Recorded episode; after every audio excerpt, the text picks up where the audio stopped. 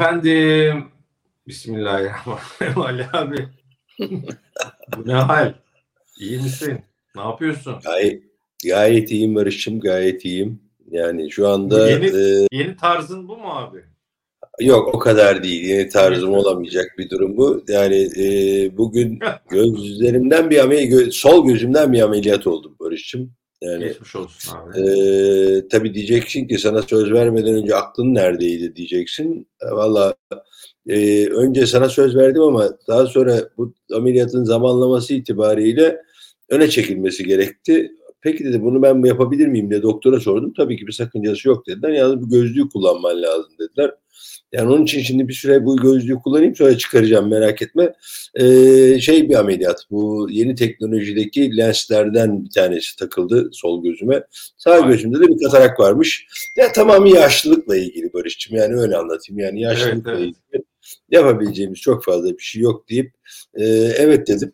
Yani Perşembe günü de ikinci ameliyat olacakmışım. Peki dedim ona da okey dedim. Çok ben doktorlara güvenirim yani. Teşekkür ederim. Yani çok fazla bir problem yok. Hemen çıkarayım hatta. Bunu daha fazla sürdürmeyeyim. Ee, bu şey gibi görünmesin. Yani sakatmışım gibi görünmesin. Yani gayet iyiyim. Şu anda bir gözüm çok iyi görüyor, bir gözüm iyi görmüyor ama hangi gözüm iyi görüyor, hangi gözüm iyi görmüyor bilmiyorum. Ama seni görüyorum şu anda yani. Çok geçmiş olsun. Bu arada yayın öncesi konuştuk. E, işin şakası bir tarafa. Aynı e, doktora aynı hocaya ameliyat olmuşuz. E, ben de e, lazer ameliyatını Bozkurt Şener Hoca'ya olmuştum. Sen de Bozkurt Şener Hoca. Ki mesela göz, evet. şimdi hasbihal ediyoruz. Göz gerçekten hani ben ben bir kere abi ameliyattan falan acayip korkan bir adamım. Yıllardır burun hiç korkmam. Ben hiç korkmam. Korkarım.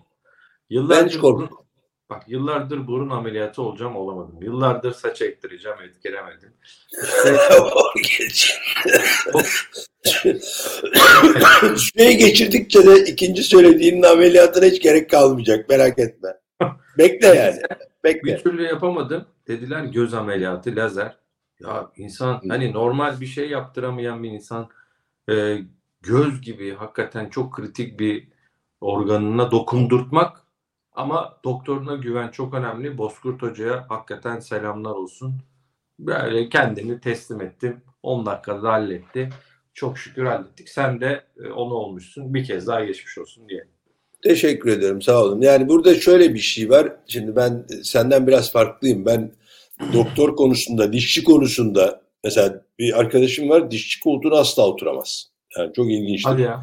Asla otur. Evet çok ilginç. Yani ben nedense şöyle bir varsayımım var. Bu uçaklar içinde geçerli bende. Hı. Şimdi ben ben, ben, ben araba yarışçısıyım. Eski bir araba yarışçısıyım. O yüzden direksiyonda oturma konusunda biraz iddialıyım. Yani başkasının direksiyonunda olduğu bir arabaya binerken hafif de olsa bir tedirginlik hissederim. Çok da dert etmem ama hafif yollu bir tedirginlik hissederim. Benim bildiğim, benim kullandığım arabaya binen insanlara da birkaç uyarıda bulunurum. Tıpkı tekneye gelen insanlara uyarıda bulunduğum gibi. Ee, ben uzun yolda konuşmam mesela. Beni konuşturmayın derim. Çünkü ben tabii e, yani yüzde 95 oranında yola konsantre olarak araba kullanırım. Yüzde beşte insanların söylediklerine cevap vermeye çalışırım. Ama mesela teknede de öyle. Teknede yelkenlide veya bir tekneye bindiğimizde eğer kontrol bendeyse mutlaka bazı uyarıları yaparım. Ondan sonra tekneyi yola çıkarırım. Ee, ama uçağa bindiğimde mesela çok basit bir varsayımım var benim. Yapabileceğim hiçbir şey yok. Anlaşalım. Yani uçak dedi tamam yapabileceğim hiçbir şey yok. Şu Boeing kapısı koptu. Çıkış, kapısı kapısının olduğu yer. Bu arada Güntay lafını unutma abi. Güntay Şimşek dinledim Bloomberg'de geçen. Güntay biliyorsun havacılık konusunda uzmandır. Evet. Çok ilginç bir şey söyledi. Bu Boeing'in e, işte Max 8, Max 9 e, tipleri varmış. 10'a kadar gidecekmiş. 8, 9, 10. E, ondan sonra e, bazı çok işte 200'ün üstünde eğer yolcu e, koltuğu olan kabin varsa onlarda o kopan tarafta bir acil çıkış kapısı oluyormuş. Eğer daha kısa mesafeli ve az koltuk koyulan aynı kabin, aynı uçak, aynı gövde de 170 koltuk varsa kurallar gereği ekstra bir sadece bir çıkış kapısıyla o iş halloluyormuş. O çok sayıda koltuğun olduğu ve acil çıkış kapısının olduğu yere acil çıkış kapısı değil bir işte oraya bir levha gibi bir şeyle kapatmışlar. İşte kopan oymuş. Aslında acil çıkış kapısı He. değilmiş diye açıkladı. Öyle mi? Tabii tabii. Çok enteresan. Ee, yani ben de şaşırdım. Nasıl çözülecek? Oralara acil çıkış kapısı koyulacak. Ee, ya da işte e, bilmiyorum bir daha montelenecek o levha gibi yer. Acil çıkış kapısının daha fazla sayıda koltuk, koltuğun olduğu uçaklardaki olan yer. İlginç bir detay hakikaten ama tabii koskoca firmanın böyle bu tip şeylerle gündeme gelmesi de e, iyi değil yani. E, böyle Airbus'lar sanki biraz daha güvenliymiş gibi geliyor ama bu, bu uçaklar çıkana kadar da herhalde yüzlerce testten geçiyordur e, diye düşünüyoruz. Yani emanet ediyoruz. Yani bu Max'ların başı belada yani. Kaç Max'larla ilgili kaçıncı olaydır bu bilemiyorum yani. Üçüncü, dördüncü büyük olay yani. Küçüklerini saymıyorum. Neyse. Şöyle söyleyeyim yani uçağa bindiğim zaman da dediğim gibi yani e, şey yapmam. E, yapabileceğim bir şey olmadığı için uçak pilotuna güvenmek zorundayım. Çünkü şirket ona güvenmiş ben de ona güveniyorum. Yani benim varsayım o. Şimdi doktorlara gelince e, biraz inceleyip sık dokumayı tercih eden taraftayım ama ki güvendiğim bir doktor. Yani sohbeti, hastaya yaklaşımı, hastalığa yaklaşımı, hele hele bir operasyon olacaksa o operasyona yaklaşımı eğer bana güven veriyor ise zaten güven vermiyorsa orada ameliyat olmuyorum veya bir operasyona izin vermiyorum ama güven veriyorsam da ben tamam kardeşim benden daha iyi bilen birisi var. Bir derdim var. Bunu çözmesi Teslim için oluyor. ben bu arkadaşa gelmişim. Büyük oranda teslim oluyorum. Yani engel olup ona bir sorun hata yaratmaktansa mümkün olduğunca sessiz kalıp onun işini yapmasına izin veriyorum. Bu dişçide de böyle. Yani eee, şöyle söyleyeyim. Hani bunu aslında bir yere bağlayacağım. Şu anda sohbet sırasında aklıma geldi ama bir kendi yaşadığım tecrübeyi paylaşayım. Ee, bugünlerde kızım benzer bir operasyon geçirdi. 20'lik dişlerinden bir tanesini çektiler. Oo. Benim 20'lik Gömülü dişlerim müydü? 35 efendim gömülüydü. Gömülü. Gömülüydü. Ameliyat. Evet, hem de yatay gömülüydü yani öyle evet yatay gömülüydü. Benim de 3 tane 20'lik dişim yani 35'li yaşlarımda diyeyim yani ondan sonra Moskova'da olduğum zamandan hatırladığım için yani o zamanlardan bahsediyorum. Yani Moskova'ya git gel zor olduğu için doktora gittim. Üçünü birden aynı anda çekmesini istedim ben. Dedi ki mümkün değil yapmayız yani üç tane diş bir anda çekilmedi ama şöyle bir problem çıkıyordu. Ee, kabarıyorlar bunlar çık- çıkacakmış gibi. Diş etlerim yukarı çıkıyor. Damağımı kapatamıyorum. Bastığım için acıyor falan. Böyle bir ciddi sıkıntı yaşıyordum. Dedim çek. Yani üçünü birden çek. Mümkün değil olmaz dedi. Çek dedim ya. Çek yani. Yapılacak bir şey yok. Ben sana güveniyorum. Ben de acısını çekmeye razıyım en fazla. Bir diş için bir hafta çekeceğim. Üç diş için de bir hafta çekeceğim bu acıyı. Tamam dedim çekelim. Çekildi. Yapılacak fazla bir şey yoktu. Orada da güveniyordum. Şimdi bunu birazcık şeye bağlayacağım. Bizim piyasalara bağlayacağım. Ee, Birçok izleyici için şaşırtıcı gelecek bir durumdan bahsedeyim. Benim birikimlerimin önemli bir kısmını profesyonel fon yöneticileri yönetirler. Mesela ben yönetmem. Yani bu kadar piyasalarda ahkam kesen adam ben. Ben kendi birikimlerimin önemli bir kısmını profesyonellere emanet etmişimdir. Onlarla arada bir konuşurum. Yani benim görüşlerim budur. Ben şunu düşünüyorum. Benim ana, ana fikrim bu, ana trend bu. Veya bana göre bu, siz eğer bunun farklısını düşünüyorsanız benim için bunu yapmanızı rica edeceğim deyip bazı ana yönlendirmeleri yaparım ama genelde detaya da karışmamaya çalışırım. Karışmam da yani. Yani bu, bu ilginç bir şeydir. Ee, Birçok insan da bana garip da bakar böyle bir şeyde. Ya sen bu işin içinde olan birisi olarak nasıl paranı birine? E ben de tersine giderim. Derim ki parayı yönetmek zaman ve emek ister. Ve o full konsantre olmak gereken bir iş. E ben o konsantrasyona sahip değilim. Benim uğraştığım profesyonel sorumlu olduğum şirketlerim var. E, seninle sohbet ederken kendimi hazırlamam gerekiyor. Okumam, çizmem, yazmam bir şey gerekiyor. Şimdi buradan yola çıkarak derim ki yani benim bunların hepsine aynı özeni göstereceğim kadar vaktim yok. E parayı yönetmek bana göre daha görece uzun vadeli bir iştir. Evet. Çok kısa vadeli. Bugünden yarına bir şey aramam. Aa, tabii o sabrı edinene kadar bayağı bir zaman geçti. O ayrı mesele ama mesela gene orada da bir bilene güvenmeyi tercih ederim ve inandığım, güvendiğim, test ettiğim insanlara emanet etmeyi tercih ederim. Dediğim gibi ana trendlerle ilgili majör şeylerde eğer farklı düşünüyorsak bana benim düşündüğüm şekilde davranmalarını rica ederim ama bunu da hani 20 yılda iki bilemedin üç defa ya yapmışımdır ya yapmamışımdır. Onun için bir bilene, bir güvene, güveneceğim birine teslim etmeyi tercih ediyorum. Ee, çok güzel bir şey söylemiş Serdar Bey. Doktorlar ülkedeki e, liyakate ulaşmış ender başarılı insanlar. Hakikaten bütün doktorlara, bütün sağlık çalışanlarımıza hepsine selam ve saygılarımızı gönderelim. Pandemide ne kadar canla başla mücadele ettiklerini hepimiz e, affedersin yani 3 metre öteden koşa koşa ayaklarımız popomuza vura vura kaçarken onlar yoğun bakımlarda e, bilmem kaç kat giyerek işte bu maskeleri üst üste falan bir şeyleri giyerek insanlara hakikaten hizmet etmeye çalıştılar. Hakları ödenmez. Hele hakikaten Türk evet. doktorların da dünyadaki yeri de başkadır. E, hekimlerimize, onların haklarına, onların eğitimlerine çok e, hakikaten böyle hassasiyetle eğilmeliyiz. E, o böyle gözünün içine bakarız yani. Onu şimdi sevgili Tunç Bey demiş konuya geçelim de bu konu şöyle bir şey. Yani Allah kimseyi hakikaten düşürmesin. Zor hastalıklarda o doktorun tavrı, ağzından çıkan bir cümle, bir kelime bütün dünyamızı değiştirebilir. Ee, o yüzden onların hakları ödenmez diyeyim. E, bu, bu program biraz şöyle bir şey. Ne maçı var bu arada ya? Fikret Bey e, bir maç varmış bilmiyorum. Bu akşam maç mı var? Bilmiyorum valla. Sadece şunu söyleyeyim. E, e, sadece şunu söyleyeyim. Bu program e, bir de çok nazik bir şekilde lütfen demiş. Biraz hasbihal. Programın ismi hasbihal. Biliyorsunuz bizim YouTube kanalımız bir e, bir market gibi. Bu markette satın alabileceğiniz ya da alabileceğiniz diyeyim. Satın alma kelimesini kullanmayayım. Çok şey var. Bu programın formatı da böyle sohbet tadında hasbihal. Kimi piyasa, kimi anılar, kimi dersler Ali abiden, e, kimi böyle işte aramızdaki dertleşmeler. E, böyle bir bu programın da formatı bu. Efendim e, sağ olsunlar bak ee, Ali abi. Yusuf Bey'e teşekkür ederim. Evet evet evet. teşekkür ederim. Ee, tutacağım. Tamam. Peki bak evet, Muhammed Bey de caz bu arkadaşlar diyor. Bizim programı caza benzetiyor biliyorsun. Caz severler. evet.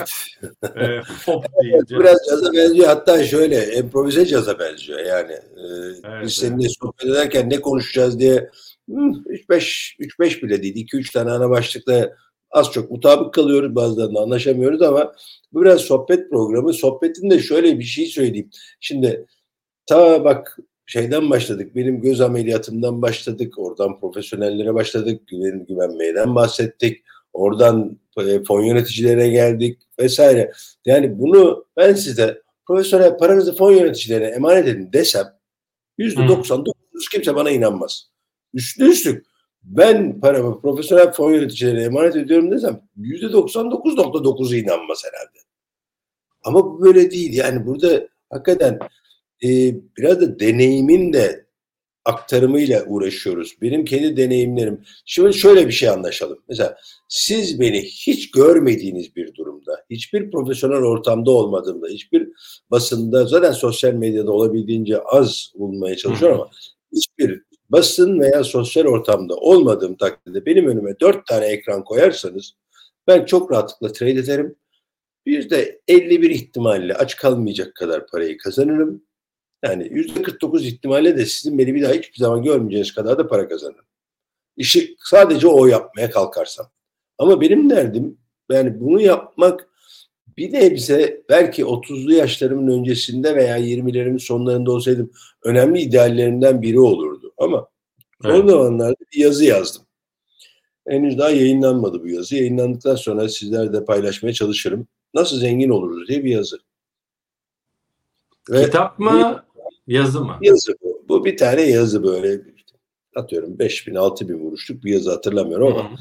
nasıl zengin oluruz diye bir yazı. Ve yazıda para kazanma ile ilgili hiçbir şey yok desem inanır mısın? Vay be. Hiçbir şey yok. Fakat ben o yazıda da söyledim, şu anda da söyleyeyim. Ben çok zenginim derim. Ve benim zenginliğim asla ve katla bankadaki hesabımdaki bol sıfırlı bir bakiye veya yüzlerce gayrimenkulden oluşmaz. Benim çok ciddi sayıda hobim vardır. Çok güzel de dostluklarım vardır. Ben o sayede kendimi gerçekten çok zengin hissederim. Peki. Ve, Bak güzel bir şey Önder Bey. Ali abim sen balık vermezsin tutmayı öğretirsin. Yıllardır böyle. Evet, gerçekten izleyen e, Önder Bey'e teşekkür ediyorum. Gerçekten de böyle bir niyetim vardır. Ben balığı bugün verdiğimde bunu çok gene bir hasbiyerle ilgili bir anımı anlatmama müsaade eder misin Barış? Hasbiyel Sonra da başlığa geçelim. Başlığa geçelim ondan sonra. Şöyle hasbiyelin içinde söyleyeyim. Yani Yusuf Bey'in söylediğine biraz biraz değil bayağı yaklaşacak bir şey. Bir e, Sputnik'ten radyodan beni aradılar. Hani o günkü dolar ne olacak abi sorularından bir tanesini konuşacağız. Fakat telefonda ben telefondayım. E, radyonun yayını sırasında e, İktidar Partisi'nden, kadın kollarından bir hanımefendi Bağcılar'da yardım paketi dağıtmaya çalışıyormuş ve burada fakir yok. Yardım paketini verecek kimse bulamadık. En son bize üç çocuğu da doğuştan sakat olan bir aileye söylediler. Onlara gittik. Onların da kapısında Honda araba vardı diyen o dönemde de çok da viral olan bir videoyu gösterdiler. Şimdi bu video benim yani dinlediğim zaman e, böyle canım sıkıldı. Şundan dolayı canım sıkıldı.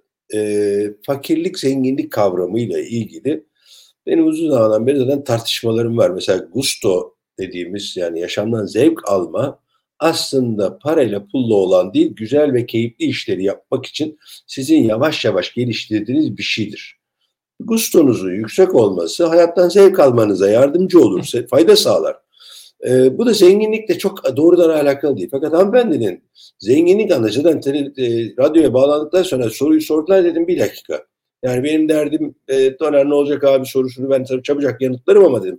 Başka bir derdim var. Şimdi bu biraz evvelki hanımefendinin zenginlik veya fakirlik anlayışıyla benimki arasında dağlarla fark var dedim. Ben bugün karnımı doyurmayı zenginlik olarak addetmem dedim. Yarın da karnımı doyuracağımı bilmek benim için zenginliğin en büyüğüdür. Çünkü yarın karnımı doyuracağımı bilmek güvendir. Güvenle baktığım bir hayat bana bugün de keyif verir, yarın da keyif verecek umudum vardır. Ama sadece bugün karnımı doyurdum, yarın doyurup doyurmayacağımı bil, bil, bilmiyorsam eğer o gün kendimi karnımı doyurdum da zengin hissetmem mümkün değildir. Hı hı. Onun için hani zenginlik fakirlik meselesi biraz evvel izleyicimizin söylediği gibi ben balık tutma bugün karnını doyurmaktan bahsetmem. Ben yarını, yarından da ötesine bakmayı tercih ederim. Çünkü ben yarından da ötesini bugünden tasarlayabilirsem zaten bugünü değilse bile yarını kesin kurtarır. Peki. Şimdi başlığımıza geçelim ama bir güzel e, selam söyleyelim. Murat Aslan. Murat Bey Ankara'da ee, tanışmıştık diyor. Ali, ee, My Dreams şöyle bir soru var hemen onu söyleyeyim. Ee, Ali Bey iş yerinde mobbing yiyor mu? Bu, bu yaşları çoktan geçtim. Hadi birisi bir şey yapıyorsa e, maçası sıkıyorsa diyeyim gelsin mobbing yapmaya kalksın. Öyle bir durum hiçbir zaman olmadı. Tamam. E, Murat Bey izin vermedim e, Ankara'da hatırlıyorum tabii. E, hatta fotoğraf çektirmiştik. Eğer Maliye Bakanlığı'nda mı çalışıyordunuz? Yanlış hatırlamıyorsam ama memurdunuz diye hatırlıyorum. Hatta yakın zamanda bir bizim güzel fotoğrafımızı da paylaşacağım Instagram'da izninizle. Ee, eğer o kişiyseniz yani fotoğraf çektirdiğimizi hatırlıyorum. Çok selam ve sevgiler. Ee, Murat Aslan yakın zamanda Instagram'da bir fotoğrafı da paylaşacağım. Şimdi Ali abi neden bu başlığı evet. Seçime mi hazırlanıyor? Ne dersin başlık için? Şimdi borsa ile ilgili genel fikrimi 2.92-80 dolar seviyelerinde söylemiştim. Orada borsanın önünde çok önemli bir rakip var. O da faiz. Faiz artık yekle saklaşan bir seviyeye geldi. 45 diyelim. Yani bu 40 mevduat 50 e, kredi 45. Bu faiz oldukça önemli bir hem yüksek bir faiz ama yeterince yüksek değil enflasyonla kıyasladığımız ama önemli bir e, mutabakat seviyesi diyelim ya da makule yaklaştığı bir faiz seviyesi. Şimdi bu faizi tek başına yüzde 45'i benchmark olarak alalım ya da eşik faiz olarak alalım. Buradan itibaren borsa için herhangi bir hisse senedinin en az bu faiz kadar getiri sağlaması bir de bunun üzerine çıkması lazım. Bu birinci kriter.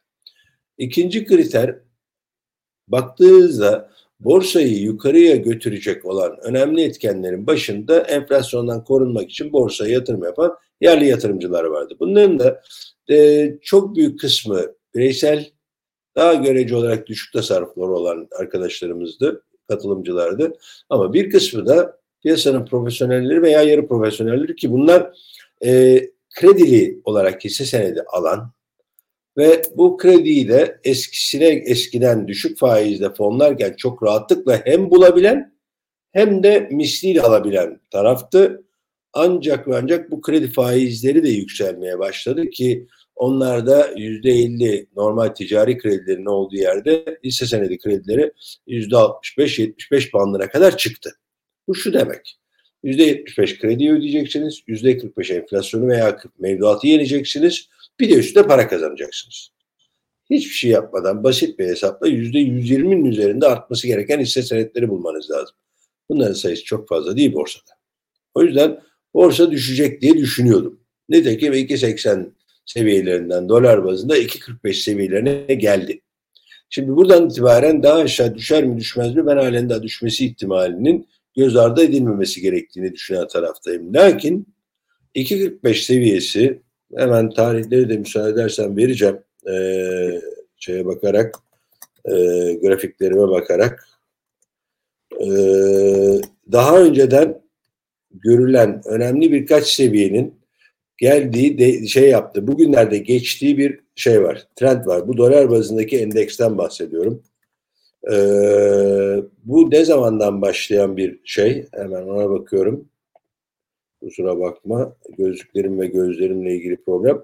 Evet. Bu bahsettiğim trend 2022 Temmuz'un 13'ünden başlayan daha önceden 22 Haziran 2023'te bir e, dip yaptı, borsanın dip yaptı bir yerden geçen ve bugünlerde de ki ilk denemesini e, Aralık ayının 27'sinde yapmış. 2.45 sent seviyesiyle hatta 2.45'in küsuratı da var ama 2.45 sent seviyesiyle e, böyle bir trendi var ve o trendten döndü dolar bazında. Dolar çok fazla artmadı bir yerde borsa toparladığı için arttı. Şimdi borsanın toparlamasında asıl faktörlerden bir tanesi her ne kadar bu teknik analiz desteği olsa da bu hafta başında BOFA'nın bir bankacılık analizi vardı. Türk bankaları ile ilgili yapmış olduğu analiz hatta bunu 2013 hatta 2000'lerin baş, başındaki döneme benzetiyor. Ben bunların tamamına katılmıyorum. Bu yorumların hemen hemen tamamına katılıyorum. Okudun mu abi? Okudum. Ee, Nasıl okudum. Yani? Belki... Şey, BOFA'nın raporuna mı katılmıyorsun? BOFA'nın raporuna katılmıyorum. Yani Allah katılmadığım Allah. kısmı şu. Evet katılmadığım kısmı. Katıldıklarımı söyleyeyim katılmadıklarımı söyleyeyim. Katıldıklarım e, borsada eğer bir toparlanma olacaksa bunun ana lokomotifi e, bankalar olacaktır. Katılmadığım kısmı bankalar e, için özellikle e, faiz marjı ve e, komisyon gelirleri bir yana henüz daha bankalarla ilgili o çok kısıtlayıcı önlemlerde bir esneme gevşeme olmadığı için o beklenen getirilere ulaşma şansının tam anlamıyla zeminin hazır olmadığını düşünüyorum. Yani kendi adıma söylüyorum. Amma ve lakin. Amma ve lakin. Buradan itibaren ortaya benim çok uzun zamandan beri söylediğim ve e, hani bir gün böyle bir laf gündeme gelirse bunu Ali Ağoğlu demişti desinler. İstediğim bir laf var. İnsanoğlunun tarih boyunca tedavi edilememiş en eski hastalığı açgözlülüğüdür. Ve BOFA'nın raporundan sonra bizim özellikle yerli yatırımcılarımız aa BOFA buraya gelecek, yabancılar buraya girecek deyip hurra müthiş bir rally yaşattılar bir gün içinde banka hisselerine. Yüzde sekiz. Hiç kimse de bakmadı. Yüzde sekiz. Ama yani e, artık şöyle bir şey söyleyeyim. Bu hani normalde lise senedi ismi vermem genelde ama e, hani şu anda önünde hızlı olarak bakılan bir e, İş Bankası'nı söyleyeyim ben. İş Bankası Perşembe günü 22-20'yi görmüş. BOFA raporundan sonra boşlukla açılmış. Cuma günü e, pazartesi günü pardon pazartesi günü 23.50'ye kadar gelmiş. Salı günü, boh pardon, pazartesi günü çok özür diliyorum. Pazar günü, cuma günü 23.18'den kapatmış. Pazartesi günü boşlukla açılmış ve boşlukla birlikte 25.38'e kadar çıkmış ve bugün daha da üste çıktı. Şimdi bu kadar ya cuma günü 22'li fiyatlardan satanlar salı günü 27'li fiyatlardan almaya kalkıyorlar. Veya 26'lı fiyatlardan almaya kalkıyorlar. Satarken aklınız neredeydik? Alırken kim sizi bu kadar heyecanlandırdı? BOFA mı? BOFA hemen bugünden yarına gelecek ve bu müthiş ralliyi başlatacak falan zannediyorsa birisi yanılıyor. Çünkü altyapısı yok. Yani ne altyapısı yok? Yabancıların Türkiye'ye gelip para yatırıp istediği zaman parasını geri çekebilecekleri ne bir swap line'ı var ne başka bir imkan var. Henüz daha buralarda bir iyileşme yok. Büyük ihtimalle bugün de galiba en önemli satıcılardan biri BOFA'ymış.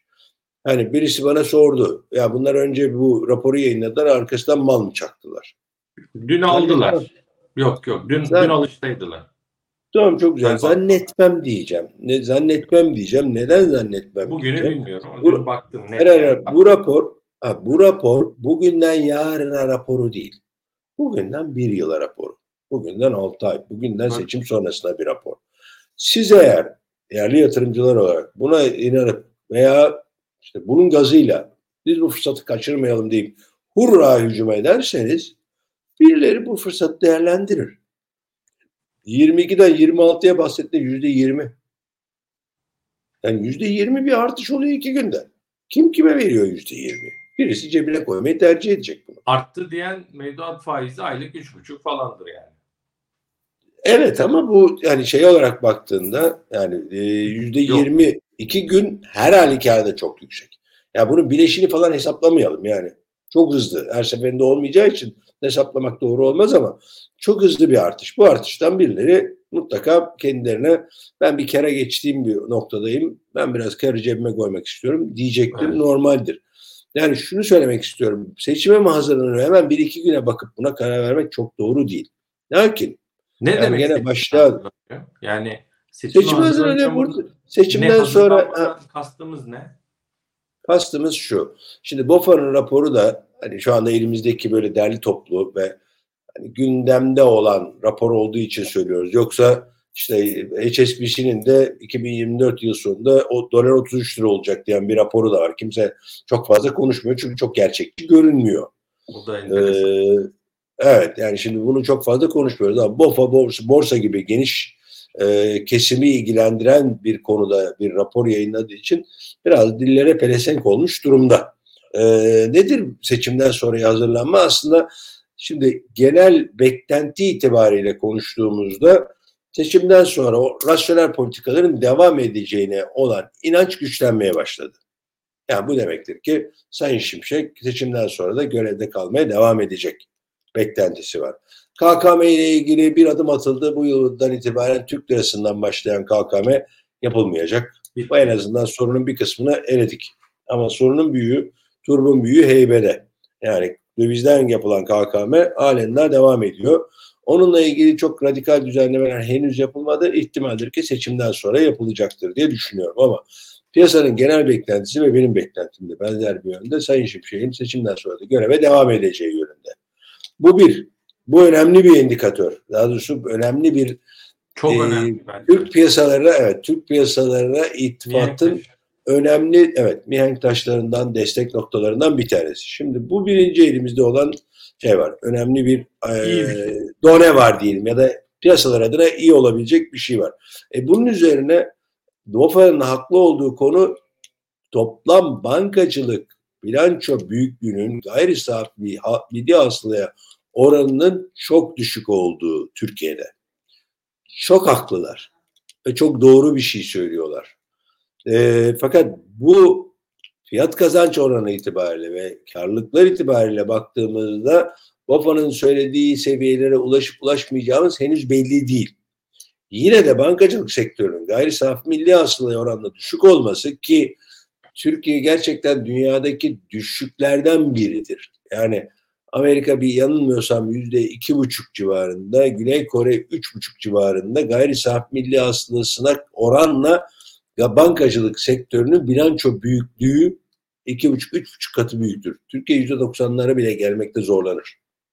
gayri safinden milli hasılasının %90'larına gelmekte zorlanır. Şimdi hal böyleyken bankacılıkta teknik olarak gidilecek daha büyük ve uzun yol var. Ama bu 30 senedir var. Gitmiyoruz, gidemiyoruz bir türlü. Ve önümüzdeki dönemde de gideceğimize dair çok elle tutulur kanıtlar yok. Dediğim gibi burada BOFA'nın e, şeyine raporuna katıldığım taraflar var, katılmadığım taraflar var ama esas burada BOFA'nın raporuyla avlanan birilerinin olduğuna inanıyorum. Yani buradaki hikayede yani bu avlanan arkadaşlar ava giderken avlanmış olanlar diyeyim. Bir kısmı mutlaka kazançlı çıkmışlardır ama dediğim gibi geçen hafta aklımız neredeydi? Yani burada grafiklere baktığımız zaman bazı hisse senetleri işte 50 günlük hareketli ortalamasına gelmiş. Buradan dönme ihtimali var. En kötü ihtimalle alır denersiniz. BOFA'yı neden bekliyorsunuz? Neden BOFA gibi birisine yem oluyorsunuz diye düşünmeden edemiyorum. Ama asıl soruya geldiğimizde borsa seçim sonrasında mı hazırlanıyor sorusunun yanıtı henüz daha bunun emareleri yeterince güçlü değil. Fakat şuradan bir şeyimi var. Yani gerek BOFA raporu sonrası çok konuştuk bu BOFA raporunu ama Bank of America bu arada BOFA dediğimiz kimdir diye soracak izleyicilerimiz olabilir. Bank of America Türkiye'deki faaliyet gösteren aracı kurumlardan bir tanesi. Hatta değil mi? Merrill Lynch evet devamı var. Evet, Bunlar doğru. böyle birleştirildi. Evet birleştiler. Ee, 2008 krizinden sonra birleştirildiler. herhalde. Evet birleştirildiler diyelim. Yoksa fakat bu, bu burada evet evet. Burada e, piyasanın haberleri olumlu taraftan alma eğilimi var. Bu seçimden sonrasında hep bir hazırlık çabası içinde olduğunu gösteriyor. Kötü haberler çok fiyatlanmıyor. Nedir kötü haber dediğinde bugün Anayasa Mahkemesi ile Yargıtay arasındaki tartışma Türkiye'nin bence politik olarak en büyük problemi. Ondan sonra hukuk düzeni, ondan sonra diğer eğitim vesaire gibi konular Tam böyle alt alta sıralanıyor. Falan. Tabii ki bir de önümüzdeki dönemde evet e, bir seçim var. Seçimden önce de bu tartışmalar biraz daha fazla yoğunlaşıyor. Özellikle bunun içine de işte hilafet tartışması giriyor. Yani bunlar çok küçük küçük şeyler değiller. Yani yanlış anlaşılmasın. Öyle çok basit e, veya hemen bugünden yarına halledilebilecek konular değiller. Bunları halletmeden de çok uzun vadeli bir e, tahmin yapmak veya buraya doğru yönelik bir şey söylemek zor. Yine de dediğim gibi başlığa geri dönersek piyasa şu anda bu çaba içinde eğer borsa seçimden so- sonrasında mı hazırlanıyor diye baktığımızda bu çaba var ama bu çaba şu anda bence bir şu BOFA raporundan sonra çok hızlandı. Gerek Evet. yok. Bu düzeltecektir. Bir toparlanma olacaktır. Bir geri çekilme olacaktır. Ama sonrasında hep beraber bir özellikle döviz kurları tarafındaki gelişmelere de bakacağız ama borsanın en ciddi, en önemli rakibi şu anda faiz, artık faiz devrede. Tabii ki bir de enflasyon muhasebesi ve bunun biraz yanlış yorumlanması da vardı. O da borsayı aşağı çeken faktörlerden biri oldu. Peki. Yayınımızı beğendiyseniz lütfen beğenmeyi unutmayın. Canlı yayındayız. The Ali ile birlikteyiz.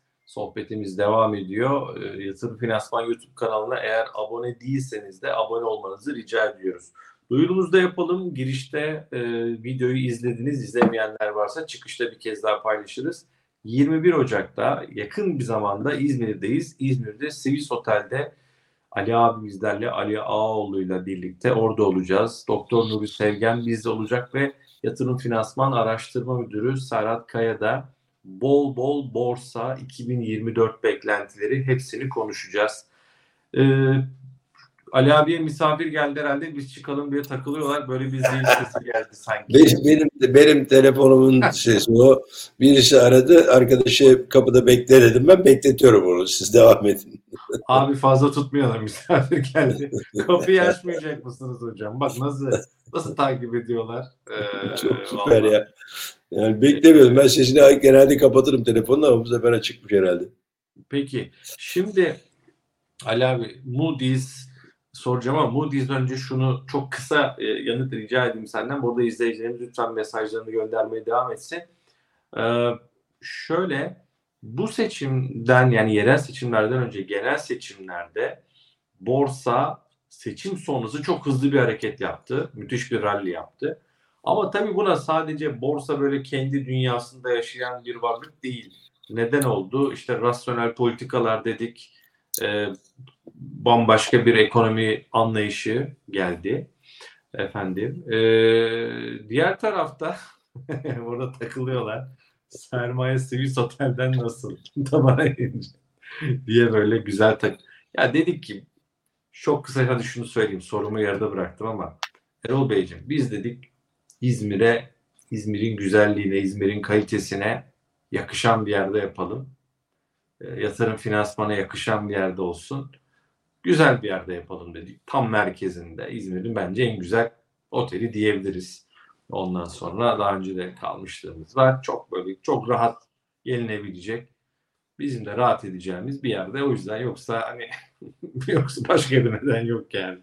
Şimdi bu seçimden sonra da bir borsada yerel seçimden sonra da borsa seçim bitti rahatlama rallisi relief rally mi der. Böyle bir şey bekliyor musun yukarı hareket? Ya doğrusunu istersen bekliyorum. Ama bunun da gerekçesi o... şu olur mu? Çok kısa bir şey. Aa bak hı hı. seçim bitti Mehmet Şimşek ve Sayın Hafize Gayreken görevine devam ediyor. Da ekleyeyim soruya. Bu mu bahanede olup hani gibi? Şimdi önemli bahanelerden biri bu olacaktır ama daha önemli bahane şu. Yerel seçimler teknik olarak bir kamuoyu yoklaması haline geldi Türkiye'de şu anda. Güven oyu gibi. Ve bir tür güven oyu gibi. Ve benim gördüğüm kadarıyla yerel seçimler biraz önemsizleştirilmiş durumda. Şöyle söyleyeyim. Ben Biraz belki evet haklı olabilirsin İstanbul hariç. Yani ne adaylar heyecan veriyor ve işin ilginç tarafı bugün ayın 9'u mu 10'u mu? 9. 9'u. Şimdi 9 Ocak dediğinde daha ihtimaldir ki CHP'nin ay sonunda en son adaylarını açıklayacağı söyleniyor. Ya lütfen bana birisi bir şey söylesin. Bunu bir gün, bugün bir sohbette de konuştum. İki ay kala ben kimi seçeceğim? Merkezi hükümetin atadığı bir belediye başkanını mı seçeceğim, adayını mı seçeceğim yoksa yerelde bana hizmet etmeyi vaat eden ve elindeki imkanlarla bu vaatlerini gerçekleştirmeye çalışan ve de projelerine göre kimi seçeceğime karar vereceğim kendi çaplarında iyi olan adaylardan birine mi oy vereceğim? Ben bu adayları tanımıyorum bile. Ne önerdiklerini bile bilmiyorum. Teorik olarak konuşuyorum.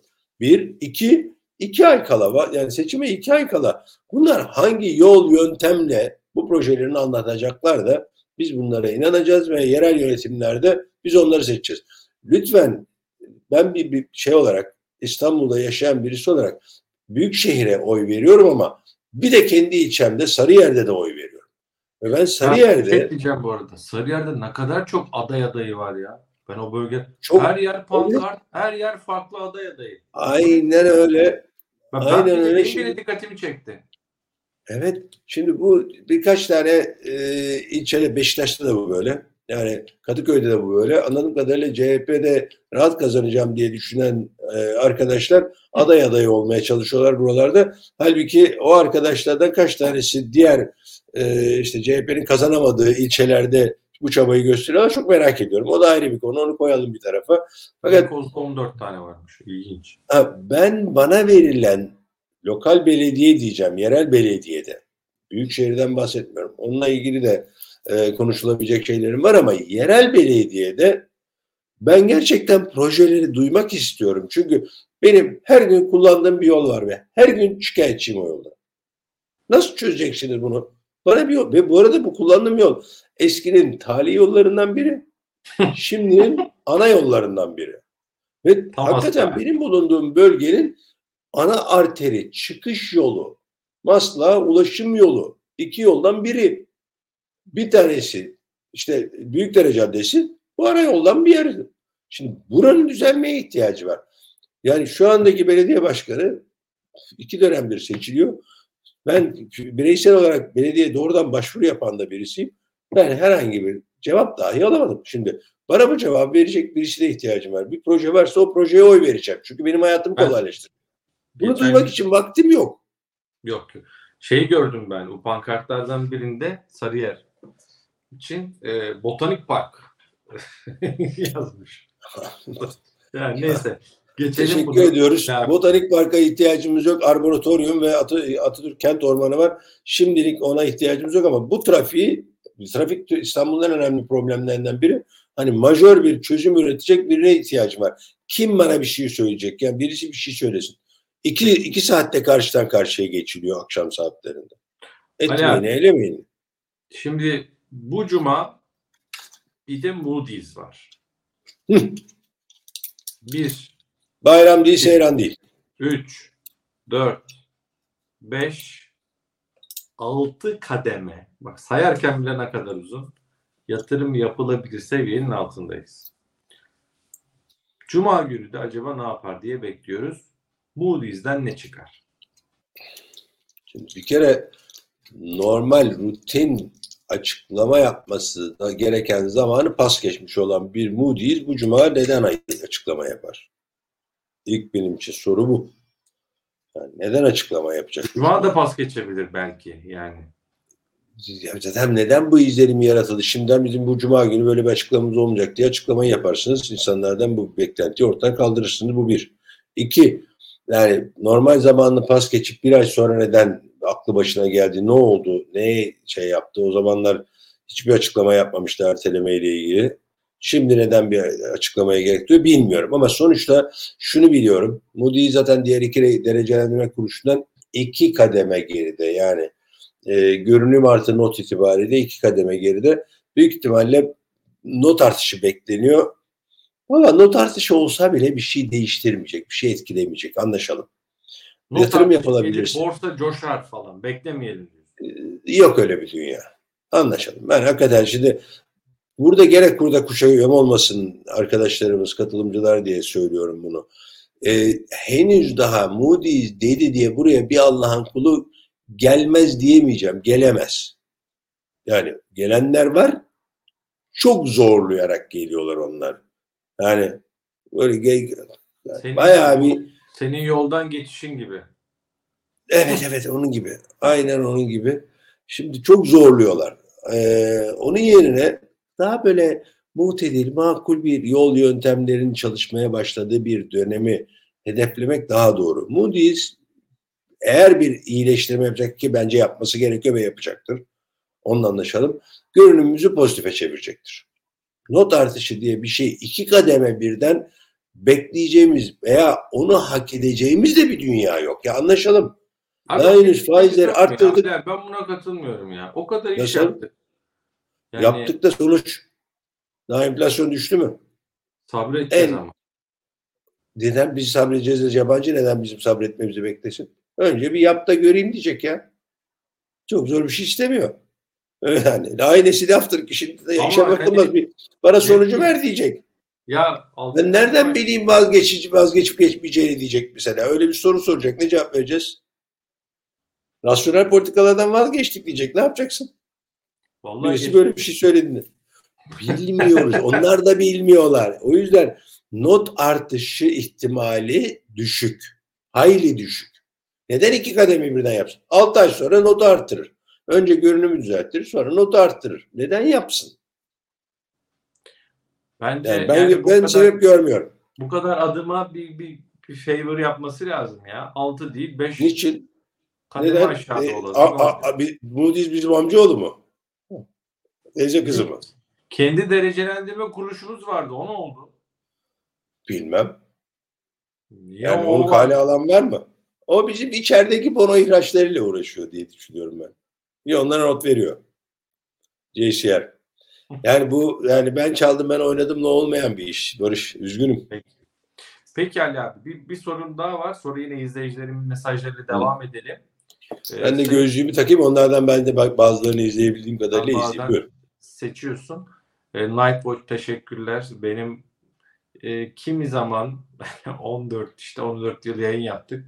E, kinaye yaptığımı anlayanlar da olmuştu.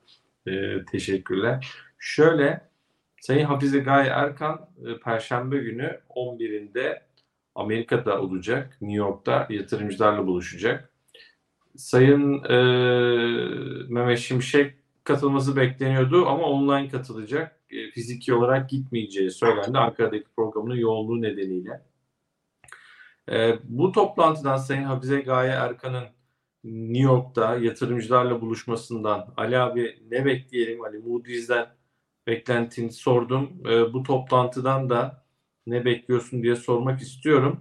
Neler var? E, nelerden bahsedecekmiş Sayın Erkan? Bir, dezenflasyon patikası, döviz rezervleri stratejisi, bankacılık sektörü ve makro ihtiyati çerçeveyi anlatacakmış.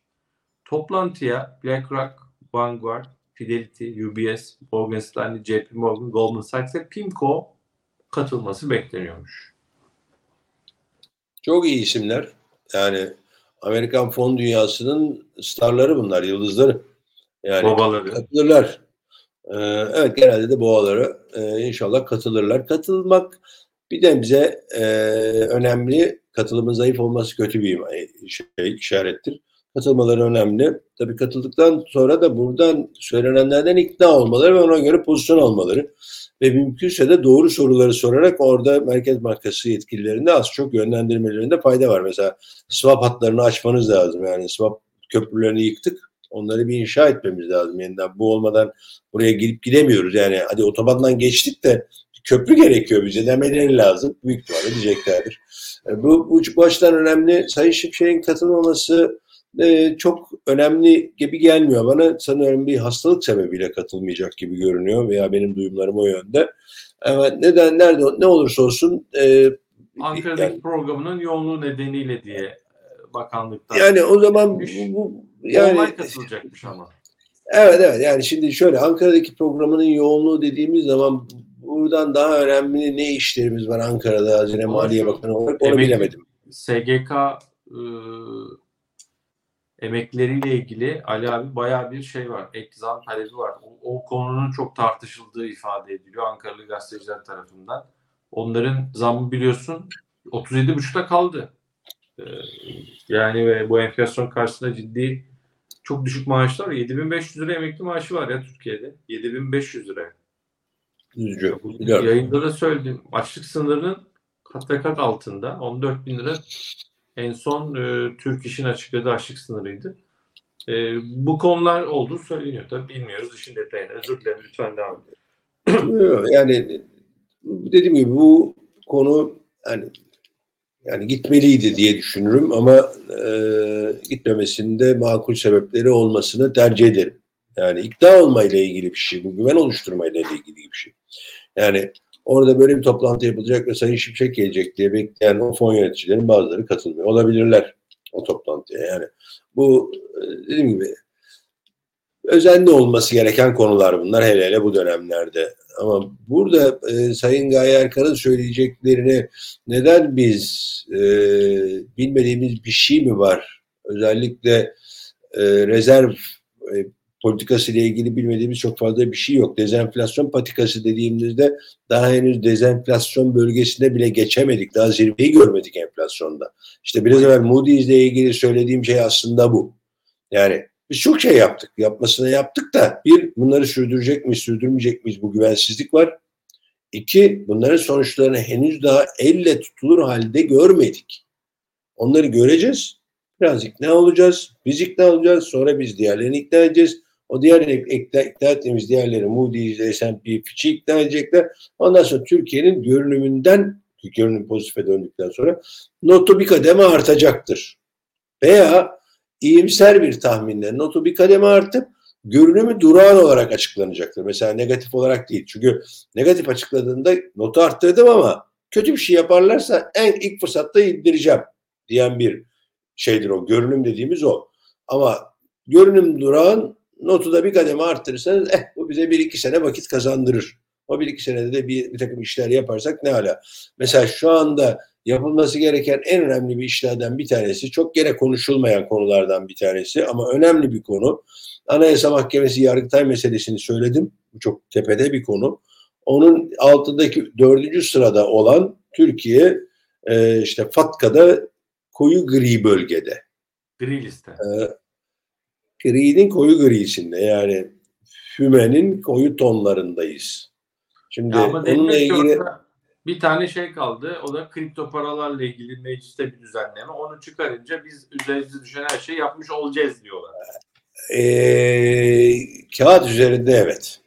Ama Sayın Ali, Ali Yerlikaya her gün yeni bir uluslararası mafya baronunu Abi şey tutuklamaya diyeceğim. devam ettiği sürece Şaka gibi ya abi. Gerçekten bir taraftan hafiflik.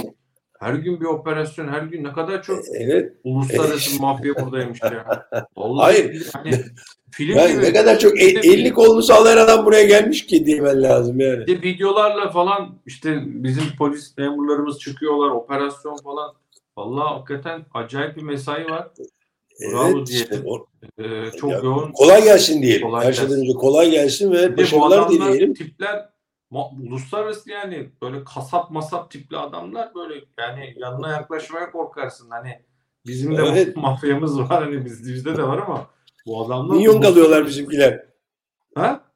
Bizimkiler minyon kalıyor onların yanında. Valla adam uluslararası işte böyle şeyle falan aranıyor ne bileyim e, kırmızı bültenle falan hani ne bileyim Latin Amerika'dan aranıyor falan böyle adamlar. Biz bu adamı burada bulmuşuz çıkarmışız. Bravo. Ee, Yani Evet. enteresan diyelim. Şimdi e, diyorsun ki bu gri liste meselesi. Bunu da hani burada da bir Sayın Mehmet Şimşek'in yine olumlu mesajları var. İşin şakası bir tarafı bu hani kripto ile ilgili düzenleme kaldı bir tek. Bunu da e, Ocak ayında dediler ama bilmiyorum hani bunu da niye bekliyoruz bir an önce hani yapalım bitsin e, madem diye e, hani madem o zaman çıkalım bir an önce diye insan düşünmüyor değil. Evet yani bunu şimdi bu Merkez Bankası'nın faiz politikasındaki hamlelere, elişer bas puanlık hareketlerde de ben benzer şeyi söylemiştim. Neden bekliyoruz? Yani neden bekliyoruz? Hani şimdi eee İçişleri Bakanı'nın operasyonlarındaki beklemeleri anlarım. Orada işte deli toplayacaksınız, içeriye adam sokacaksınız, işte zamanı bir kollayacaksınız. Onu ba- bayağı zorlu bir iş o iş. Yani o benim bilmediğim bir dünya ama FATKA ile FATF'la ilgili ya da FATKA ile ilgili gri liste ile ilgili bir kanun için ya biz onlarca yüzlerce torba kanun çıkarıyoruz. Onun içinde bir tanesine koyu verin şeklinde söyleyesim geliyor ama neyi bekliyoruz? Merkez Bankası 40-45'lere geleceği biz zaten başından beri biliyoruz. Neden biz 6 ay 8 ay bekledik bu iş? Yapın geçin gidin ya. Yani Bankaları ama yormamak için değil. Piyasayı yani alt üst etmemek için. Bu arada bir Tamam. şey diyeceğim. Bugün aklıma Tamam geldi. sustum. Yok yok. E, susma da Ali abi sen konuş. Biz seni dinlemekten çok Bugün aklıma geldi ya. Hatırlıyor musun Ali abi? Bir dönem diyorduk ki bankaların, Türk bankalarındaki toksik varlıklar diyorduk. Çok düşük faizlerle tahvil aldılar. Bunun böyle çözülmesi gereken bir mesele olduğu ve çok ciddi bir sorun olduğu konuşuldu. Bunu falan unuttuk biz. Faizler geldi 40'lara, 42'ler, 41'ler tahvil faizleri kısa vadede. Ne oldu bu o- Evet. o dönemde alınan kısa şeyler? Yani bilemedim. Yani düşük faizli tahviller almak zorunda kalan, bankalar almak zorunda kaldığı sorun olarak görünen çıkarılacak bunlar işte bir farklı kötü bankaya. Bunlar falan hiç konuşulmuyor ya. Bayağı biz işleri hallettik galiba olumlu yönde bilmiyorum. Enflasyon bu dönemlerde derde devadır. Barış. Hmm. Hele hele %80 enflasyonun olduğu yerde %10 faizle, kamu eliyle bu zombi şirketleri yaşatırsan onların bazıları e, kuyruğu dikeltmeyi başarırlar. Onların toksik varlık olmaktan çıkan bir yapısı olur. Yani bunların bir kısmı zombilerin bir kısmı hayata döndü mü? Bence küçük bir kısmı dönmüştür ama önemli bir kısmı mümkün değil. Çünkü onlarda bu düşük faiz veya devlete veya kamu bankalarına veya düşük faize dayalı bir e, iş modeli sürdürülmeye çalışılıyor. Verimli olmayan hatta şimdiye kadar çoktan bence piyasadan çekilmiş olması gereken bazı şirketler bile hayatiyetlerini sürdürdüler. Hani zombiler dediklerimizde. Diğer taraftan da ka- bankaların elindeki düşük faizli tahviller diye baktığımızda bankalı bankacılık sektörü 2001'den kalan tecrübelerinin bir kısmını bu dönemde kullandı. 2008'den de kalanlarını kullandı. Tecrübeleri şunu söylüyordu ki bu faiz dönemi kalıcı olamaz.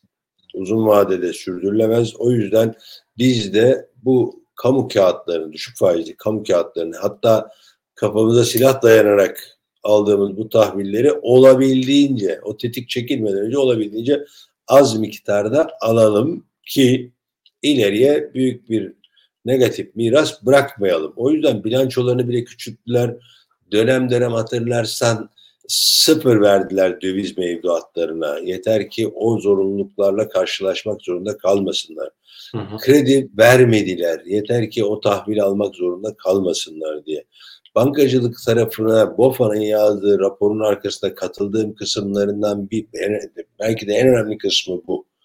Bankacılık sektörü teknik olarak ve pratikte hem gayri safi milli hasılaya göre hem de reel anlamda büyümedi hatta küçüldü. Bu demektir ki bundan sonra gidilecek yolları var. Şimdi bu gidilecek yolun avantajı nedir diye baktığında bilançosunu bankacılık sektörü bilançosunu büyüttüğünde içindeki sorunlu varlıkların oranı bilançoya göre küçülür. Bu çok eski bir taktiktir. Yani çok eski bir taktiktir. Ee, ve bu taktik nedeniyle de e, bankacılık sektörünün önünde bir alan var, bir oyun alanı var, bir, bir şey var, gidebileceği bir mesafe var. Bu bahsettiğin toksik varlıklar küçülen bir bilançoda çok büyük yüktür. Büyüyen bir bilançoda bilan, yükleri azalır. Ve çok ilginç bir gelişmeyi daha paylaşayım. Bankaların batık kredileri, demeyelim sorunlu kredileri diyelim. Ya da İngilizcesiyle non-performing loanları. Ee, o oran düşük ama gerçeği yansıtıp yansıtmadığına dair hepimizin şüpheleri var. Fakat başka bir ilginç gelişme var. Onu söylememe müsaade et. O da bu varlık yönetim şirketlerine satılan krediler var ya, sorunlu krediler. Bunların fiyatları çok yükseldi. Nice, ne demek bu diyeceksin. Eskiden 100 dolarlık bir krediye veya 100 liralık krediye 5-15 dolar arası bir lira verilirken şimdi bunlara 35-45 lira hatta 50'nin üzerine çıkan rakamlar bile var. Şimdi bu diyeceksin ki ne demek? Nasıl olacak? Nasıl olacak? Nasıl para kazanacak bunlar? Yani, yani getiri şöyle, beklentileri evet. Ben e, kendi anlayabileceğim saf dille anlatayım. 100 bin liralık diyelim banka umudunu kesmiş değil mi Ali abi? Kredi verdi. Evet. Bu 100 bin lira battı dedi. Bu adam hayatta ödeyemez. Biri geliyor diyor Veya tahsilatım için harcayacağım para tahsil edebileceğim paranın altın üstünde. O yüzden tamam. ben buna parayı da harcamayayım dedi. Ben daha da basitleştiriyorum. Baktım bu hayatta ödeyemez. 100 bin lirayı aldı benden. Ben bankayım. Bundan iş çıkmaz. Gitti 100 bin lira diye düşünüyorum. Ali abi de geliyor bana gözlüklerini takmış. Hemen, hemen takayım. Bak bu, bu, bu, bu, tamam. bu gecenin gözlüklerini hemen takayım. Evet, biraz gözlerim yoruldu zaten. Evet dinliyorum. Tamam. Bu arada bu gözlüklerle ilgili hikayeyi daha sonra gelenler yayının başına lütfen gitsinler. Evet. Ali abi de bana bu gözlüklerle diyor ki ey sevgili Barış. Barış ben bak. görüyorum Barış ben görüyorum. Ben görüyorum. Sen o 100 bin lira batırdığını düşündüğün 100 bin lira var ya ben sana daha önce 10 bin lira verip onu o 100 bin liralık tahsilat hakkını alıyordum. Şimdi daha fazla para veriyorum sana. Çünkü ben alabileceğimi düşünüyorum. 10 lira değil 20 lira 30 lira 40 lira veriyorum bankaya. Sen 100 bin liranı alamayacaktın zaten al 40 bin lirayı.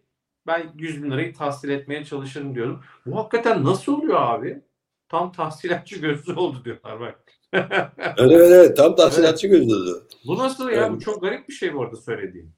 Evet çok garip bir durum bu. Şimdi bunun arkasında sebeplerin ne olduğunu biraz eşeledim ben diyeyim. Hani hı hı. bir e, enflasyon. Yine enflasyon burada da bir işe yarıyor. O da şu. Gerçi e, faizlerin düşeceğini varsaymanız lazım. Onu da varsayıyor olmaları lazım ama gene de bence yüksek fiyatlarda işlem gördü. Onun da dediğim gibi arkasında bir yeni kurulan bazı varlık yönetim şirketleri kendilerine yer açmaya çalışıyorlar veya bir takım hedefler belirlemeye çalışıyorlar ki bu sayede varlıklarını burada sürdürebilsinler. O biraz fiyatlamayı bozmuş görünüyor. Ama hepsinden öte yine de e, teknik olarak işler bu rasyonelleşmeyle birlikte faiz seviyeleri yüksek olmakla birlikte piyasaların toparlanacağına olan bir inanç var ki piyasalar toparlandığında sorunlu olan kredilerin önemli bir kısmı enflasyonun da yardımıyla ya yaşar kredi haline gelebilecek veya verdikleri paradan biraz daha fazlasını tahsil edebilecekler. Şunun için bunu özellikle söyledim. En tepede verilen fiyat beni çok ilgilendirmiyor. Ama eskinin çok düşük fiyatlarının daha üzerinde fiyatlarla bunlar işlem görmeye başladığında bu bankaların bir kısmının tahsilat masraflarından kaçınmak için vazgeçtikleri kalitede de olabilir. Diğerlerinin çünkü uzmanlık alanı daha fazla farklı bu konuda. Ee, o da olabilir ama sonuçta o bahsettiğimiz toksik varlıkların bilanço içindeki payı görece olarak önümüzdeki dönemde azalacak beklentisi var. Bu Enteresan. beklentiyle birlikte bu gerçekleşiyor. Ha Ekonomi yavaşlarken bu nasıl oluyor diye ben de soruyorum. Olacak. Şimdi ekonomi yavaşlarken ben geçmişteki toksiklerden bahsediyorum. Yeni eklenecek mi sorusu başka bir soru. Ha. Orada anlaşalım. Şimdi eskiden olanlardan bahsettim. Zombilerden bahsediyorum. Zombilerde dediğin doğru. Yani orada hani benim bahsettiğim biraz iyimser beklenti. Biraz da hani onlar bilançonun içinde azalacak, oranları düşecek diye varsayalım. Ama baktığımızda yeniler gelir mi sorusunun yanıtı e, evet gelme ihtimali yüksek. Fakat bunu da bankacılık sektörü bir önceden görüyor. Yani onlar da senin benim gibi bu piyasaları çok yakından izleyen insanlar. Bizim gibi insanlar onların kadrolarında varlar. Yani onların bir kısmı bunları olabildiğince engellemeye çalışıyorlar. Kamu bankalarını buradan ayrı tutuyorum. Özür Ya dileyerek istihbarat diye birim var abi bankalarda. Tabii tabii tabii. de. Kamu, ama kamu şeyini ayrı bir yerde tutuyorum. Kamu bankalarını ayrı bir yere koyalım. O, o başka bir konu. Ama özel bankalarda böyle bir tecrübe ve tedbirlilik var. Ve halenden söylediğim gibi bilançolarını büyütebilecekleri bir alan var. O alana girdikleri anda veya o patikaya girdiğimiz anda o sorunlu veya muhtemel sorumluların oranı görece düşük kalacaktır ve bu dediğim gibi bankacılığın çok eskiden beri kullandığı taktiklerden biridir. Buna benzer bir ipucunu bugünlerde geldi, duyduk, duy- duyuyorum. Bankalar kredi pazarlamaya başlamışlar. Kredi verelim diyorlar. E, yüksek bu kadar yüksek faizde der tabii. E, yüksek faiz, şimdi yüksek faiz, evet yüksek faiz, hayır, yüksek faiz, evet bu yüksek faizden vereyim ama yüksek faiz, hayır daha faizler yükselecekse vermem. Ama vermeyi düşünüyorlar. Neden? Çünkü bir çıt daha yükselse bile bir sonraki aşama Sayın Mehmet Şimşek'in söylediği gibi işleri yoluna koyarsak faiz indirim dönemine de başlayacağız en kısa zamanda. Lafı biraz da hani patikanın sonuna geldik. Faiz artış patikasının sonuna geldik. Zirvelere yakınız. Eh buradan uzun vadeli verirsek belki 2-3 ay 5 ay para kaybederiz ama sonrasında kazanırız düşüncesiyle yıl bankalar faiz- kredi vermeye başlamış. Abi. Ben bir indirim bekliyorum. Ben bir Ne indirim zaman? bekliyorum. Yani 45'e kadar gelip Ekim'de bir indirim bekliyorum. Ekim belki Kasım'da bir indirim olmasını bekliyorum. Ne kadarlık mesela? 45 Beş tane baz, yıl beş sonra yüz. kaçta kapatırız? 40 40 40'la kapatırız diye düşünüyorum. Benim tahminim zaten 45'i 45'i göreceğiz, 40'la kapanacağız. Ee, bu konuyu destekleyen şeylerim var. Ee, bazı öngörülerim var. Done'den değil, öngörülerim var. Yani doneler henüz oluşmadı. İlk done %65 hedefe %64-77 gelen enflasyon ne kadar güvenilir bir donedir bilmiyorum ama ilk done done olarak elimizde var ama öngörülerim var. Peki. Ee, son bir bahsettiğim bu enflasyonun tırnak içerisinde faydaları ile ilgili Sade Hoca ile zaman zaman e, sohbette bir araya geliriz. Sade Hoca şöyle de der ya kamu bazen bile isteye enflasyon yaratır şirketleri ve kendi borcunu azaltmak için. Dedim hocam ne güzel söylüyorsun valla. Hakikaten de bazı zorda kalan şirketler güzel enflasyonlarla borçlarını azaltıverdiler. Kamu borçlarını ben tırnak içerisinde borcunu azaltıverdi. Bir rahat Güzel enflasyonla özür diliyorum Barış'cığım güzel enflasyonla borçlarını azaltmadılar. Güzel enflasyonla satışlarını ve nominal karlarını arttırdılar. Onun altına düşük faizli kamunun eliyle gelen faizi koydular. Aradaki fark da karları oldu. O oldu. Bir de mesela önceden 100 lira borcu vardı. Enflasyonla Tabii 300 tabii lira tabii. tabii. kazandı. O 100 lira borç şey kaldı. Bu aynı çok Ee, Özellikle stok, stokları varsa. Evet. Çok düşük faizlerle ev kredisi çekip ilk ödediğinde çok zorlanırsın. Sonra çok ufak bir mutfak masrafı haline gelir mortgage kredilerinde. Belki biraz onun gibi. Ee, Valla bir saate geçtik. Senin gözüne kestirdiğin e, soru varsa alayım. Ali abi Diyor ki evet. izleyicim takılıyor sana. Ali abi şey diyor muhtemelen diyor varlık yönetim şirketlerinin halka arz edecek galiba diye takılmış. Ee, o orada yok öyle bir niyetim kesinlikle yok ama o sektörü kuran beş kişiden biriyim. O yüzden o sektör özel ilgi alanında olan konulardan bir tanesidir. 2001'de evet. bizim hazırlamış olduğumuz yönetmelik çok çok çok az değişiklik halinde kullanılıyor. Yani o yüzden hani o sektörün ilklerinden biri olarak o sektörü izliyorum. Ee, burada şöyle bir soru vardı. Bir soruyu ben kendimce bir okuyayım. Evet. Buyurun. Ee, evet. Burada Ali Oturgan'ın bir sorusu var. Bence o soruyu yanıtlayalım. Güzel bir soru. Daha doğrusu soru güzel bir yere götürdü beni. Evet, asgari ücreti arttırmak, faizleri yükseltmekle bu enflasyon düşmez.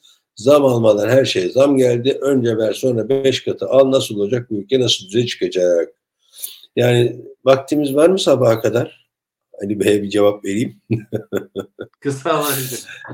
Tamam kısa olarak vereyim. Ee, evet Ali Bey'in söylediğinde çok büyük bir haklılık payı var. O da şöyle işte enflasyon oluyor. Biz enflasyona ezdirmemek için e, enflasyon, geçmiş enflasyon kadar eski asgari ücrete veya maaşlara zam yapıyoruz. Maaşlara zam yaptığımız için bunu bu tüyoyu kapan tırnak içinde esnaf ve e, iş ticaret erbabı önden zammı yapıyor. O zammın etkisini e, bir anda absorbe ediyor kendine şey alıyor biraz evvel söylediğimiz o enflasyondan kazanan ticaret veya şirketler olarak e, sonra asgari ücretlerin veya maaşlı çalışanların gelirleri bir sonrakine yetmiyor. Şimdi bunun çözümü enflasyonu yarat, enflasyon kadar maaşları arttır, sonra o maaşlar arttığı için tekrar enflasyon olsun, tekrar enflasyon. Mümkün değil için içinden çıkamayacağız. Çıkamayız da. Şimdi bu işten nasıl kurtulacağız sorusunun yanıtı Doğrusunu isterseniz ilk ve en önemli adımı attık. O da saçma sapan bir faiz e, e, enflasyon tartışmasını bir yere bıraktık. Rasyonel politikalara döndük. İlk önemli adım buydu. Şimdi bundan sonra ne yazık ki asgari ücretliler için kötü bir haberim var. O da aldıkları zam iki ay içinde eriyecek ama ben oturup hesabı yaptığımda yüzde yirmi üç buçuk civarında bir enflasyona karşı ancak 2024 sonuna kadar onları koruyabilecek bir zam artışını aldılar. Çünkü bugünkü asgari ücret artışı 2024 sonuna kadar geçerli. Çok konuşulmayan bir şey ama bu böyle. Şimdi buradan itibaren eğer enflasyonu biz beklentileri, enflasyonu değil, biz enflasyonu kolay düşüremeyiz ama enflasyon beklentilerini aşağı çekebilecek adımlar atar ve bu güveni oluşturursak enflasyon beklentileri azaldıkça Merkez Bankası'nın 36'sına veya bir sonraki 14'üne güven artacak veya ah olabilir ya her yap yapıyorlar bak şimdiye kadar iyi geldiler bundan sonra herhalde iyi götürecekler gibi bir beklenti iyileşimi yapabilirsek eğer o yüzden o zaman o asgari ücretle zammındaki yüzde yirmi üç buçuk bir kısmını kurtaracak onlar belki bir çıt şey yapacaklar. Canları yanacak ki hep canları yanıyor. Bunu da ayrıca koyalım bir tarafa. Ama maaşlı ve şeyler hariç e, diğer kesimleri de buna ikna edersek piyasada olan iki tane garip e, enflasyon türü daha türedi. Bunlardan bir tanesi shrinkflation dedikleri ambalajı küçülterek bir tür enflasyon yaratılıyor. Bu biraz şey yapar. Bir de e, kar kalite, arttırma güdüsü. Efendim? Kalite de düşüyor. Kalite de düşüyor tabii. Onunla Abi birlikte shrinkflation dedikleri o ebat düşürme, gramaj düşürme enflasyonu var. Bir de tabii kar e, böyle bir enflasyon ortamında saçma sapan kar güdüsü inanılmaz gemi azıya alıyor ve bunları enflasyon beklentilerimiz bozuk olduğu için hangisi ucuz hangisi pahalıyı de, de şey yapamadığımız için ayırt edemediğimiz için burada bir yeknesaklık sağlayabilirsek eğer bunu belli bir patikaya oturtma şansımız var ve ondan sonra ancak enflasyonun düşmesinden söz edebiliriz. Veya düşmesi değil, dezenflasyon olmayacak. Mesela Sayın e, Erkan'ın dezenflasyon patikası dediği dezenflasyon olmayacak bu ülkede. Şimdi burada bir kavga çıkacak. Enflasyonun artış hızı düşecek. Kafadan yüzde otuz altı enflasyon yüzde on dörde düşürseniz bile bile Fiyatlar diyorum. Fiyatlar düşmeyecek. Fiyatlar düşmeyeceği gibi artmaya devam edecekler. Sadece artış hızı düşecek. Bunun adı dezenflasyon değildir. Ama bunu siyasetçiler başka de, gibi anlatacak. Değil işte. Satın alma gücü bak satın alma gücü artacak desen o zaman da yüzde 14 enflasyonun olduğu yerde olacağı senede yüzde 20 e, maaşları arttırırsan evet o zaman satın alma gücü artacak demektir. Ama gene yüzde 20 zam yaptılar bu sefer yüzde 14 enflasyon gerçekleşmeyecek. Kimin yüzde 14 çok, enflasyonu? Kimin hesapladığı yüzde 14? Mükemmel. Mükemmel. Yani biraz evvel dedim ya Ali Bey'in sorusu için sabaha kadar tartışırız. Bak sen konu konuyu açıyor, konu konuyu açıyor. ben de biraz evvel açmasın çünkü biraz evvel Türkiye'nin en büyük politik probleminin Evet evet açtırma kutuyu çünkü biraz evvel Türkiye'nin en büyük politik probleminin e, Anayasa Mahkemesi Yargıtay olduğunu söyledim. Türkiye'nin en büyük ekonomik problemi herkesin aksine söyleyeyim enflasyon değildir. Diyeceksin ki bu nasıl iddialı bir laftır? Hayır, Türkiye'nin şu andaki en büyük ekonomik problemi verilerinin güvenilmez olmasıdır. Ve şeffaflığın olmamasıdır. Bu çözülmediği sürece karar vericiler, verileri elinde tutanlar küçük bir geçim haricinden söylüyorum. Hı hı. Bunlar hariç. Bunları bilmiyorum. Onlar biliyorlar herhalde. Ama biz bilmiyoruz. Biz derken ben profesyonel olarak bir şirkette çalışıyorum. İşte burada sohbet ederken kendi görüşlerimi paylaşıyorum. Bazı şirketlerde işte görev aldığım e, danışma hizmetlerim var vesaire vesaire ama bunlarda bile ben o verileri ve doğru olup olmadığını bilmediğim ve güvenemediğim takdirde onların üzerine bir politika inşa etmekte çok zorlanıyorum. Herkes zorlanıyor. Bence Türkiye'nin yani her platformda söylediğim için bu platformu da buna bir fırsat olarak değerlendirerek görüyor, söylüyorum. Türkiye'nin en büyük ekonomik problemi verilerinin şeffaf olmaması ve güvenilirliğiyle ilgili soru işaretlerinin bulunmasıdır. Enflasyon bunların en tepesindedir. KKM bunun bir altında. Altında diğerlerini de sayabiliriz. Şunu okuyayım. Ee, Akif Bey diyor ki bugün Balıkesir'den Ankara'ya bir adet zarf gönderdi kargo 137 lira almış. Of. Gelin diyor cenaze namazına buyurun. Bir adet zarf diyor yani. Bilmiyoruz mesela 137 lira ucuz mudur, pahalı mıdır benim bir fikrim yok mesela. Gerçekten samimi olarak söylüyorum. Yani bugün bir, bir, bir, bir yani bu operasyonla ya ilgili hemen... bir, bir, bir dizi ilaç aldım. Mesela bu ilaçlar pahalı mıdır, ucuz mudur, kazıklandım mı? Yoksa iyi bir tedavi mi alacağım veya alacağım tedaviyi ucuza mı alıyorum? Hiçbir fikrim yok. Valla dediğin gibi sabaha kadar bu sohbet devam eder. Ee, Eder. En iyisi biz tamamlayalım. Çok anekdot çıkar. Ee, ne diyeyim? Ee, vallahi bak annemin evinde kalıyorum demiş Mehmet Kahraman. Ben kiralar çok fazla. Ellerinden öperiz anneciğinizin. Devam edin. Vallahi ben Güzel. Ben, ben de öperim. Siz de öpün Mehmet Beyciğim. Çünkü bu günler çok kıymetli günler yani. Evet. Ee, Ali abicim. Ee, şöyle bir şey var. Orada bir, bir soru var. Ona bir müsaade tamam. edersen yanıt vereyim. Ee, Önder Erken, Erten'in bir sorusu. Ali abi varlık fonunda çok büyük zarar var. Acaba borsayı çıkartarak varlık fonunun zararını azaltmak istemez mi hükümet? Buna şöyle küçücük bir şey söyleyeyim. Çok yanlış hatırlamıyorsam 5 sene önceydi. Belki de 4 ile 6 senelik bir banktadır. Ee, Çin borsası düşüyordu. Çin borsası düştüğü sırada devlet eliyle gelip hisse senetlerini devlet satın alıyordu borsa düşmesin diye. Ve gelmediği günlerde borsadaki brokerlar ve işlem yapanlar Çin milli maaşıyla devleti borsaya çağırıyorlardı. milli maaş. Evet, Çin milli maaşıyla. Yani gaza getirip devletin gelip hisse senedi almasını sağlamaya çalışıyorlardı. Başardılar büyük oranda da. Bir işe yaramadı, düştü. Borsa düştü. Şimdi varlık fonu da teknik olarak varlık fonu. Bir trader şirketi değil, bir alım satımdan para kazanma amacıyla inşa edilmiş, kurulmuş olan bir kurum değil. Oradan medet ummak balık yakalamak değildir ya da şey balık yemektir. Balık tutmak değildir. Balık tutmayı bilmek veya öğrenmek hiç değildir. Oradan umulan medetten Hayır gelmez. Geliyorsa da 3-5 kişiye gelir. Tüm toplumun zararınadır diyerek son sözü burada noktalayayım ben.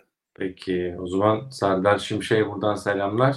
Kampta da finans kampta da kendisiyle görüşmüştük. O da Ali Hocam ekranlarda görmek çok güzel demiş. Aynı duyguları biz de paylaşıyoruz. İyi ki varsın Ali abi. İnşallah Çok sağ olsun.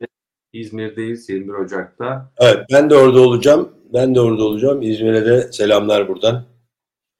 Mutlaka gideceğim ben de. Geleceğim ben de. Ben sana paylaşmanı rica edeceğim. Bizim sosyal medyadaki benim attığım tweetleri Evet, evet. çok seviniriz. Duyuralım. Ee, sınırlı bir kontenjanımız var. Kayıt yaptırmayı unutmayın diyeyim. Ee, kısmet Kayıt olmayan giremiyor mu? Yok abi öyle elini kolunu Kayıt olmayan giremiyor. Ha elini kolunu sallayana şey yok ya giriş izni yok. yok. Bir çaba gerekiyor yani. Herkes bir çaba göstermeli. Siz de haklısınız. Yani ücretsiz zaten. Haklısınız. Ee, Ücretli mi Ücretsizse soranlar- işte bu kadarlık bir kay- çaba gösterilsin ya. Yani ücretsiz e, bir Katıldım. kayıt lazım. E, sonra biz davetiye göndereceğiz daha sonra e, kontenjan dahilinde olanlara. Dolayısıyla kayıt yaptırmayı lütfen unutmayın. Çok güzel bir e, hafta olsun Ali abi. Çok teşekkür ederiz. Kendine çok iyi bak. E, iyi geceler diliyorum.